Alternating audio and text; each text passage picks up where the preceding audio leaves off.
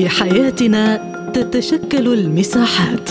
نظل داخلها على اختلاف الثقافات. ولكن في مساحتنا تتحد الغايات. لأننا نغوص في أعماق المجتمعات. فإذا كان لديك وجهة نظر حرة فاهلا بك في مساحة حرة. أهلا بكم مستمعينا الكرام في حلقة جديدة من مساحة حرة وهذه جيهان لطفي تحييكم. في حلقة اليوم نناقش إلى أين يتجه اقتصاد العالم في 2023.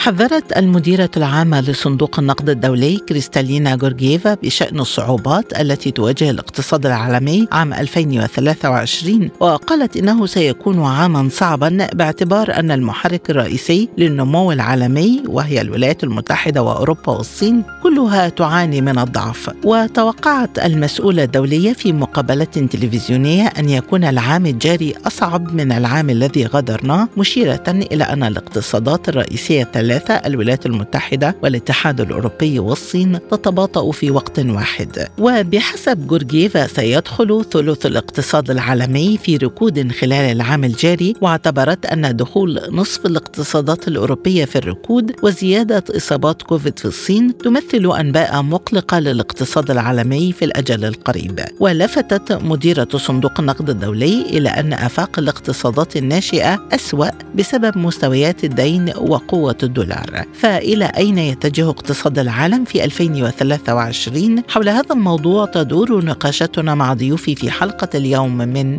مساحة حرة. البداية من لندن ومنها ينضم إلينا مدير البحوث الاقتصادية بالمركز العالمي للدراسات الدكتور صادق الركابي. مرحبا بك معنا دكتور صادق عبر أثير سبوتنيك. بداية مديرة صندوق النقد الدولي حذرت من أن 2023 سيكون الأسوأ. هل وصل الاقتصاد العالمي إلى القاع بعد؟ ومتى يبدأ منحنى الصعود؟ نعم يعني هو توقع آه، متشائم جدا من آه، مدير صندوق النقد الدولي لأنه يأخذ بالاعتبار أن الصين وهي محرك أساسي في الاقتصاد العالمي قد تتعرض إلى ارتفاع كبير في الإصابات وتعود إلى حالة الإغلاق مرة أخرى. ويفترض أيضا أن الولايات المتحدة الأمريكية لن تكون قادرة على زيادة إنتاجها الصناعي وبالتالي استيعاب التضخم. وأيضا يفترض أن السوق الأوروبية سوف تتوقف بشكل جزئي عن العمل بسبب نقص الطاقة. ولكن لكنه أيضا يغفل أن هناك اقتصادات أيضا نامية في آه، منطقة شرق آسيا وهناك اقتصادات في منطقة الخليج أيضا قد تعمل على زيادة الاستثمارات في مجالات الطاقة الخضراء والاقتصاد الرقمي وبالتالي هو توقع متشائم جدا والاقتصاد العالمي يعتقد أنه ما زال يستطيع أن يكون فيه بعض المرونة لمقاومة هذه الأزمات.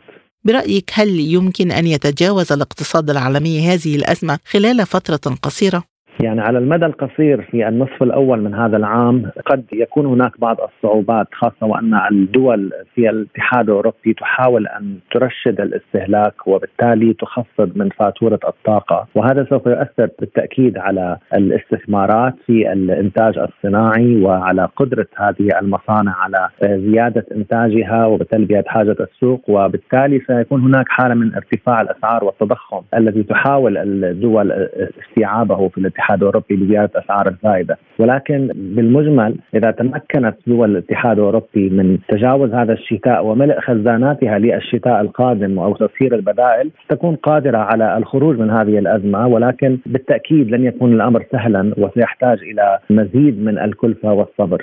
طيب في ضوء هذه المعطيات ومع تأثر الناتج الصناعي وسلاسل الإمداد حول العالم برأيك هل يمكن أن نشهد ردة فعل عكسية تعيد الزخم إلى الاقتصاد؟ وهناك توقعات بأن يبدأ مرحلة التعافي في النصف الثاني من العام. ما مدى واقعية هذه التوقعات دكتور؟ يعني الآن الاقتصاد العالمي في مرحلة تهيب وتهيؤ. المستثمرون الآن ينتظرون قدرة تحديدا كل من الولايات المتحدة الأمريكية والصين على الحد من التضخم في الربع الأول من هذا العام، إذا تمكنت الصين من تجاوز أزمة الكورونا وبدأت المعامل فيها بالنشاط الصناعي وبدأ الإنتاج وكذلك الولايات المتحدة الأمريكية خاصة التي تعاني الآن من أزمة العواصف الثلجية، إذا تجاوزنا هذه الأزمة ممكن أن نقول بأن الاقتصاد العالمي في النصف الثاني من العام سوف يشهد بعض التحسن والارتفاعات في أرقام الإنتاج الصناعي وسهولة سلاسل الإمداد. ولو أني أشك أن سلاسل الإمداد ستكون كما كانت في قبل عامين من الآن لأن هناك ما تزال تعريفات جمركية أمريكية مفروضة على الاقتصاد الصيني ما تزال هناك محاولات لهيكلة سلاسل الإمداد. وهذا يعني أن هناك بعض الصعوبات خلال كل هذا العام ستشهدها الشركات والمستثمرين ولكن إذا تجاوزنا النصف الأول من هذا العام فبالتأكيد أن العام القادم سيكون هو عام انطلاقة الاقتصاد العالمي إذا كيف يؤثر اتجاه عدد من الدول المؤثرة في الاقتصاد إلى التبادل التجاري بالعملات المحلية؟ وهل نحن أمام ملامح اقتصاد عالمي جديد يرتكز على أسس مختلفة عن التي نعرفها بموجب اتفاقية بريتون وودز؟ بالتأكيد هي خارطة الاقتصاد العالمي بدأت بالتغير، آه، بدأنا نشهد أن صعود نجم عملات جديدة في الاقتصاد العالمي بسبب التبادل المحلي وأهمها اليوان الصيني الذي برز كأحد أهم خمس عملات الآن في الاقتصاد العالمي، وأيضا توجه آه، الصين وحتى دول الخليج العربية النفطية وروسيا إلى شرق الخارطة باتجاه آسيا، هذا سيضعف دول أخرى في الغرب وبالتالي سيكون هناك بالفعل آه، محاولات للاستثمار الاستفادة من هذا التحول في دعم العملات لهذه الدول وقد يعمل المستثمرون على الإقبال على شراء هذه العملات لأنهم قد يجدون نتائج اقتصادية أفضل لدى اقتصادات هذه الدول وبالتالي يقل النفوذ القوي للعملات السابقة كالدولار والإسترليني واليورو آه، وهذا يضعف اقتصادات تلك الدول. كيف سيكون وضع العملات الرقمية في هذا النظام الجديد خاصة بعد التقلبات الخطرة التي شهدتها أسواق العملات هذا العام؟ يعني العملات الرقمية عانت من عدة صدمات. أولا ارتفاع التضخم وارتفاع كلفة الطاقة وثقة المستثمرين والحملات التي تعرضت لها لتقنينها. وبالتالي كان العام الماضي هو استمرار لاستيعاب أزمة الكورونا وجاءت الحرب في أوكرانيا بالتالي لتضعف ثقة المستثمرين. ولكن لا ننسى أن هذا الوقت الآن تقوم به شبكات العملات الرقمية بتطوير أنظمتها وتقليل كلفتها مثلا على سبيل المثال أنها قللت من وجود الوسطاء الماليين وجعلت بعض العملات لا مركزية وهذا يقلل كلفة تحويل الأموال وبالتالي تطوير أنظمتها بشكل أسرع، هذا يعني أن هذا العام سوف يكون عام الاستعداد للعام القادم وبالتالي لن نشهد ارتفاعات كبيرة في العملات الرقمية ولكنها أيضا لن نشهد تراجعات كبيرة كما حدث في العام الماضي. أخيرا دكتور بالنسبة للدول العربية التي تمتلك فوائد مالية وصناديق كبرى ما هي فرص الاستثمار الأمثل لهذه الدول وهل ربط هذه الاستثمارات بسياسة يمثل مخاطرة كبرى؟ بالتأكيد الآن الدول في منطقة الخليج العربي على اعتبار هي أكبر صناديق استثمارية في تلك المنطقة تحاول أن تبعد الآن السياسة عن الاقتصاد خاصة وأن الضغوط السياسية عليها لزيادة الإنتاج في منظمة أوبك أصبحت كبيرة جدا وأثرت علاقاتها على علاقاتها مع الولايات المتحدة الأمريكية، لذلك الآن تعمل هذه الدول على التركيز على الاقتصاد من نوع جديد الاقتصاد الأخضر، الاقتصاد الرقمي وهي تحاول بالفعل تنويع اقتصاداتها بعيدا عن النفط وهذا سيجذب استثمارات كبيرة. كبيرة ورأينا أن المملكة العربية السعودية الرائدة في هذا المجال الآن حيث تقوم بتطوير البنى التحتية. زادت علاقاتها الاقتصادية مع الصين واجتذبت مستثمرين أكثر من آسيا هذه المرة وبالتالي هذه الدول لها مستقبل كما لدول الآسيان مستقبل كبير في جذب الاستثمارات وهي قد تكون الأكثر نموا في الاقتصاد العالمي هذا العام. من لندن مدير البحوث الاقتصادية بالمركز العالمي للدراسات الدكتور صادق الركابي. كنت معنا شكرا جزيلا على هذه الإيضاحات. وحول أوضاع أسواق الطاقة حول العالم ينضم إلينا من لندن الخبير الاقتصادي ومستشار شؤون الطاقة الدكتور مصطفى البزركان. مرحبا بك معنا ضيفا عزيزا دكتور مصطفى عبر أثير سبوتنيك. بداية كيف تقيم تصريحات مديرة صندوق النقد الدولي حول اشتداد أزمة الاقتصاد العالمي عام 2023 2020 طبعا التصريحات واقعية ولم تكن مفاجئة للمراقبين لأوضاع الاقتصاد العالمي خاصة بعد عام 2022 مع زيادة التضخم وجنوح الشركات إلى التخلص من العاملين وزيادة أسعار البضائع. هذه نقطة. النقطة الثانية تعرقل سلاسل الإمداد والنقطة الأهم وهي ارتدادات العقوبات التي فرضت على الاقتصاد الروسي على الاقتصاد الأوروبي 27 دولة وكذلك على الاقتصادات الأخرى، ولذلك نشهد هذه التوقعات بالتأكيد ستتحقق خلال الربع الأول والربع الثاني من هذا العام وقد تستمر طيلة هذا العام. ولكن دكتور مصطفى وضع كوفيد في الصين وتخلي بكين عن سياسة صفر كوفيد ما تأثير هذا على أسواق الطاقة وهل يؤدي انخفاض سعر الطاقة إلى إعادة الزخم للاقتصاد؟ بالتأكيد يعني الصين نحت منحى جديد باتجاه إلغاء الإغلاقات التي كانت مفروضة وبدأنا نشهد زيادة في الطلب على النفط، النفط الخام و أيضا المنتجات النفطية. ولكن هذا في جانب منه يدل على أن هناك أسواق جديدة يعني أسواق الديزل. إن صح التعبير هناك أسواق جديدة خاصة حينما تابعنا المرسوم الروسي بوقف التعامل ووقف بيع النفط والمنتجات النفطيه للدول التي تلتزم بالسقف السعري الذي وضعته الدول الأوروبية وهذا الذي يجعل أنه ستكون هناك أسواق بديلة عن الأسواق الأوروبية خلال الشهر القادم. بالحديث عن روسيا دكتور التحالف الروسي الصيني والذي يتعزز في الفترة الأخيرة إلى أي مدى سيؤثر هذا على مسار الاقتصاد العالمي؟ من الواضح أنه الموقف الصيني موقف يحاول انه يكون موقفا متوازنا ولذلك لا ننسى أن الاقتصاد الصيني هو ثاني أكبر اقتصاد في العالم. وهذا التقارب وهذا الدعم إلى الاقتصاد الروسي حينما يكون هناك موقف جديد صيني وهناك تحول في الاقتصاد العالمي باتجاه هذا التحالف إن صح التعبير بين روسيا والصين هذا يدل على أنه سيكون هناك وضع جديد ولكن العام 2023 سيستمر في مواجهة هذه الصعوبات أمام الاقتصاد العالمي والاقتصادات المنفردة أيضا. ما هي العناصر التي يمكن أن تعيد النشاط للاقتصاد العالمي؟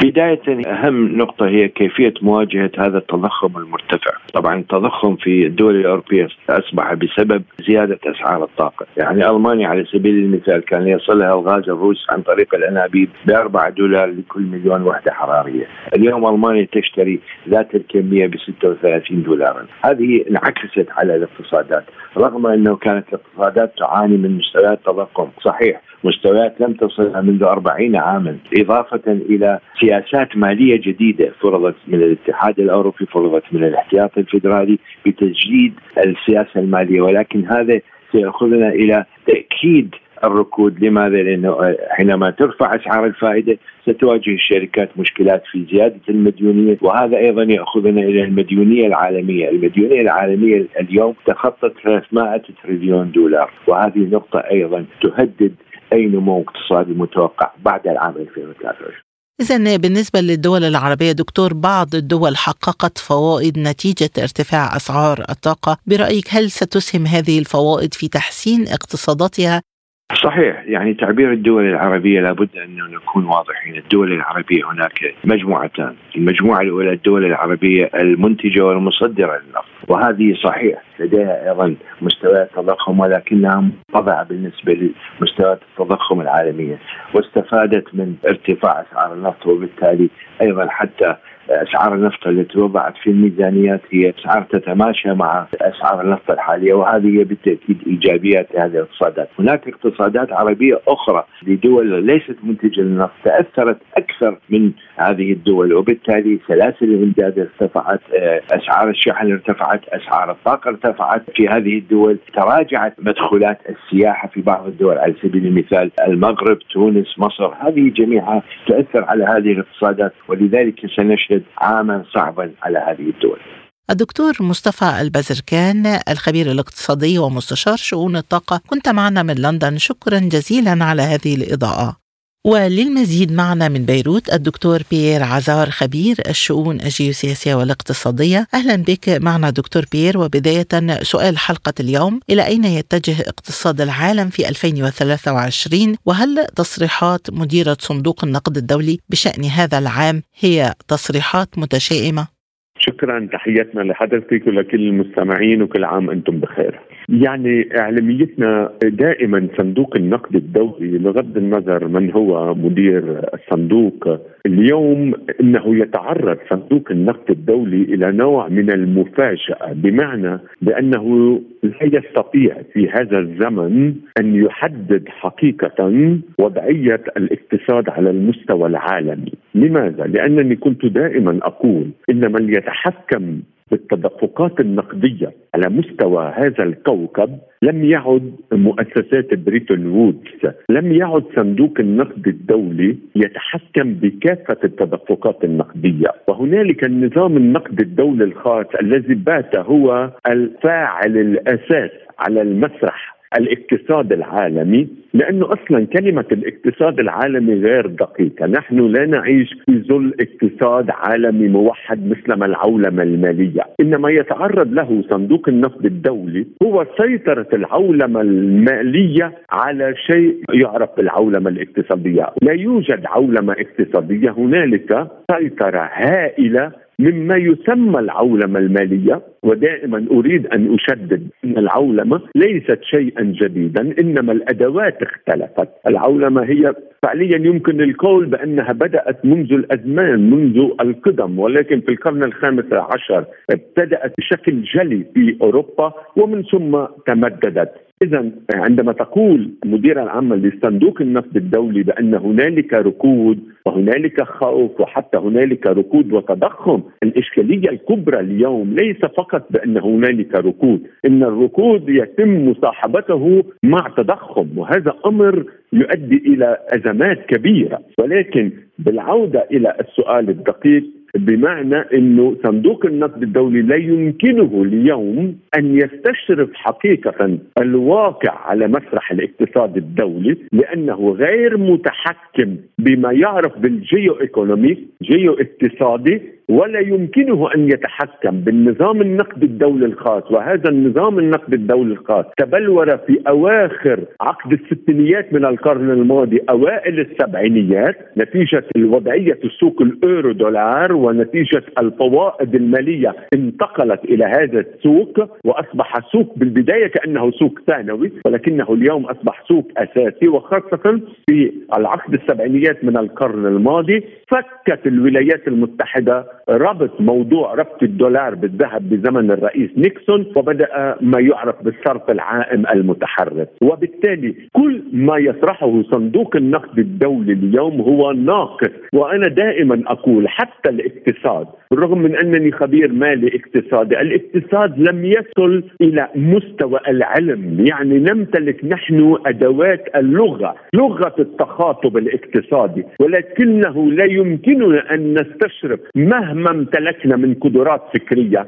أن نستشرف المستقبل في الواقع الاقتصادي والأزمات. لماذا؟ لأننا ندرس شيء متحرك وكل شيء متحرك. عندما تقع الأزمات ولا يوجد شعب يستطيع أن يصد الأزمات تلجأ الحكومات إلى الضرائب أو إلى سواء لأن هنالك مدارس اقتصادية ثلاثة تتصارع فيما بينها وواحدة تعيش على أنقاض الأخرى ولكنها في نهاية الأمر تصطدم بأزمة. اذا السؤال مهم جدا والجواب أكثر تعقيدا لا يمتلك أي أحد اليوم القدرة على استشراف المستقبل في موضوع الأزمات وكل شيء اسمه علم الاقتصاد إنه يندرج فقط في إطار الأدوات الاقتصادية وليس في سبيل استشراف الأزمات المالية وانعكاساتها على البعد الاقتصادي العام، طبعا الاقتصاد بشكل عام يركز على الأزمة المالية بطريقة مختلفة نتيجة تخصصية معينة ولكن بشكل عام لكي نبسط للمستمع.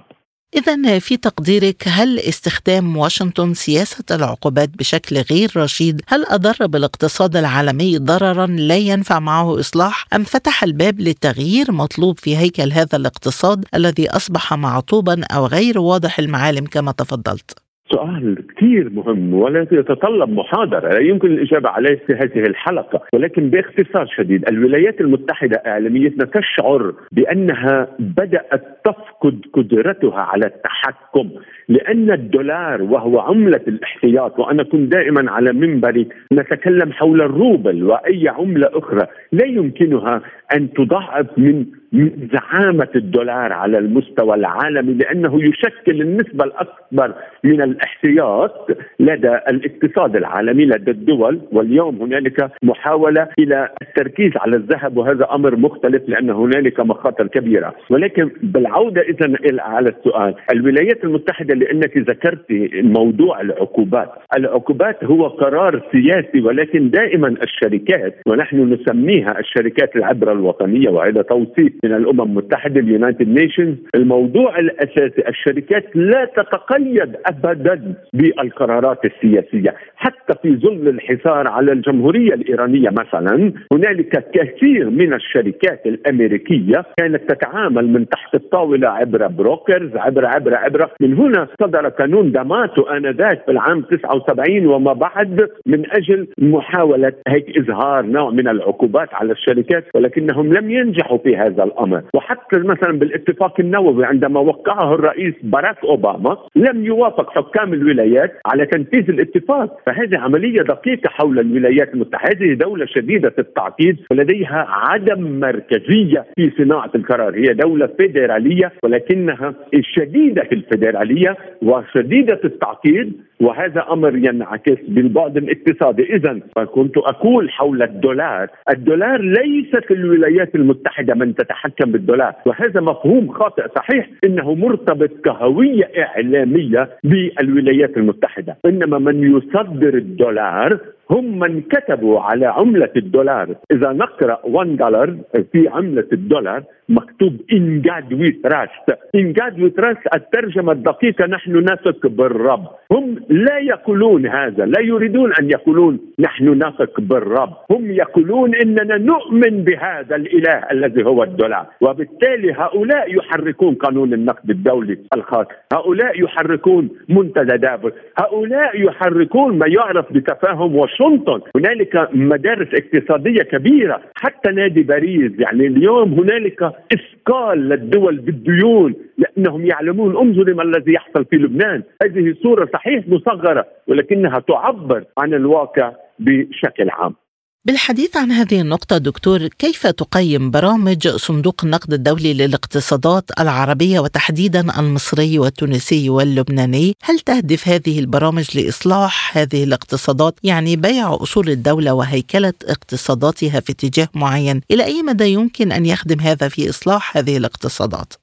يعني من أهم الأسئلة، إعلاميتنا دائما صندوق النقد الدولي يطرح نوع من وصفات طبية، كيف نقول الوصفه الطبية مثلا للمريض؟ إنه يضع وصفة تسمى سياسة التثبيت والإصلاح الهيكلي لا يمكن أن نبسطها للمستمع، إنه يفرض خاصة عملية تقشف بالموازنات، ماذا يعني ذلك؟ يعني ضرب التقديمات الاجتماعية، طبعا هو ليس من المدرسة حتى ليس من مدرسة أدم سميث ولا من مدرسة كينزية إنما هو في النهاية من المدرسة النيوليبرالية ولكن خلقت بشكل واضح مع الرئيس رونالد ريغن ومارغريت تاتشر آنذاك بعقد الثمانينيات من القرن الماضي. ولكن حتى مع ميلتون فريدمان والتي تركز على العرض وليس على الطلب بمعنى أن تكون الحكومات صغيرة جدا ولا يمكنها أن تقدم تقديمات. ولكن علينا أن نتقبل أيضا إعلاميتنا إنه القروض التي يقدمها صندوق النقد الدولي لأنك ذكرت مثلا مصر ولبنان اليوم يخضع لامتحان كبير حول صندوق النقد. لا يمكن لما يطلبه صندوق النقد أن يتوافق مع الدول. هذا لكي أجيب مباشرة على السؤال. هذا يذكرني ما قاله مهاتير محمد وأنت تعلمين رئيس الوزراء مهاتير محمد لعب دورا كبيرا في بلده ولكن مهاتير محمد عندما قال كيف أنا استطعت لماليزيا ان ان أن أطورها خاصة في عقد التسعينيات قال لقد تنصلت من من وصفات صندوق النقد الدولي. هلا اليوم تعرض لأزمات معينة ولكن يبقى مهاتير محمد استطاع أن يتخطى هذا الأمر. الدول عندما يقول لها صندوق النقد عليك أن تقومي بهذا وهذا هذا طبعا هذا يضر بوضعية صعوب هذه البلدان ولكن على هذه البلدان أيضا أن تعلم إذا لم يكن شعبها منتجا هذه أزمة كبيرة. مثلا بلبنان الشعب غير منتج وبالتالي عندما يطلب منا صندوق النقد الدولي وصفات وسعر صرف متحرك وتلجا الحكومات إلى ضرائب. وتنهك الشعب وبالتالي تتوقف العملية برمتها، مصر مثلا لقد سحبت عدة قروض من صندوق النقد ولكن مصر دولة كبيرة جدا ولكن لديها أزمة في هذا الموضوع. يعني الخضوع دائما لصندوق النقد يخلق أزمات كبيرة لأنه لا يمكنه أن تستمر الدولة بسياسات تقشفية ولكن أيضا هنالك إشكالية على الشعب والقطاع الخاص أن يساعد الدولة ويخفف طموحه باللجوء إلى القطاع العام، كل الشعب كل شعوب البلدان البلدان المنطقة خاصة تسعى للتوظيف ضمن الدولة من أجل ضمانات اجتماعية وشيخوخة و و وإلى ما هنالك. هذا أمر يرهق الخزينة ولم يعد يستطيع القطاع الخاص أن يمول القطاع العام. عندما يفقد القطاع الخاص القدرة على تمويل القطاع العام تنهار المنظومة فتلجأ الدولة إلى الضرائب المرتفعة وتصيب الفقراء مع الأغنياء لأن الأغنياء الذين يتحكمون في القرارات ولكن إيجابية فقط أن صندوق النقد يقرض سواء عبر ما يعرف بحقوق السحب الخاصة ال SDR بالإنجليزي أو بالفرنسي ال DTS الموضوع الأساسي بالضبط إنه فقط يكون إذا أقرضناكم يصبح هنالك شجاعة لدى المستثمرين الأجانب لكي يقرضونكم ولكن بفوائد أقل وبالتالي تصبح كلفة التمويل أقل. وهذا أمر وهم لأن صندوق النقد يرهق هذه الدول وبالتالي هي إشكالية كبيرة يعيشها الواقع وهذا ما قلته في الأساس إغراق الدول في الديون كما حصل في لبنان عاش الشعب اللبناني برفاهية مزيفة ماكسيموم المعاش الشهري كان يوازي مثلا 500 دولار يصرف المواطن اللبناني 20 ألف دولار وهو مدخوله لا يتعدى ال 500 دولار ووقعت الكارثة بغض النظر عن السرقات والفساد هذا أمر مختلف يتطلب نقاش آخر. أخيرا دكتور بيير واقع الاقتصادات الناشئة الآن مستويات دين مرتفعة وقوة الدولار وعدم القدرة على التحكم في حجم المعروض من الدولار في هذه الدول إذا هل هناك وصفة مثالية لهذه الاقتصادات من أجل تجاوز هذا المنعطف الخطير؟ قوة الدولار هي إشكالية أصلا. توصيف الموضوع بأنه قوة الدولار لأنه عندما يتم اللجوء إلى تخزين الاحتياطي مثلا بالذهب هذا يعني بأن الدولار ليس قويا. وقوة الدولار هو من قوة الولايات المتحدة علما بأن الدولار غير مرتبط بالدولة الأمريكية مرتبط بالرأسمالية الأكبر الموجودة داخل الولايات المتحدة. الموضوع الأساسي إذا بالنسبة للأسواق الناشئة هي في نهاية الأمر الإشكالية ليست في قوة الدولار. الدولار إنما الإشكالية في كون هذا الدولار ما يزال يشكل أغلبية الاحتياط على مستوى العالم وبالتالي يصبح هنالك لزاما على أي من الشركات على أي من الدول مهما حاولت أن تتنصل من عملة الدولار يصبح الأمر فيه من الإخفاقات بالمدى المنظور. ما يزال الوضع شديد التعقيد حتى الصين وكان هنالك أزمة بين الإدارات الأمريكية المتعاقبة والصين حول أن الصين تخفض دائما عملتها.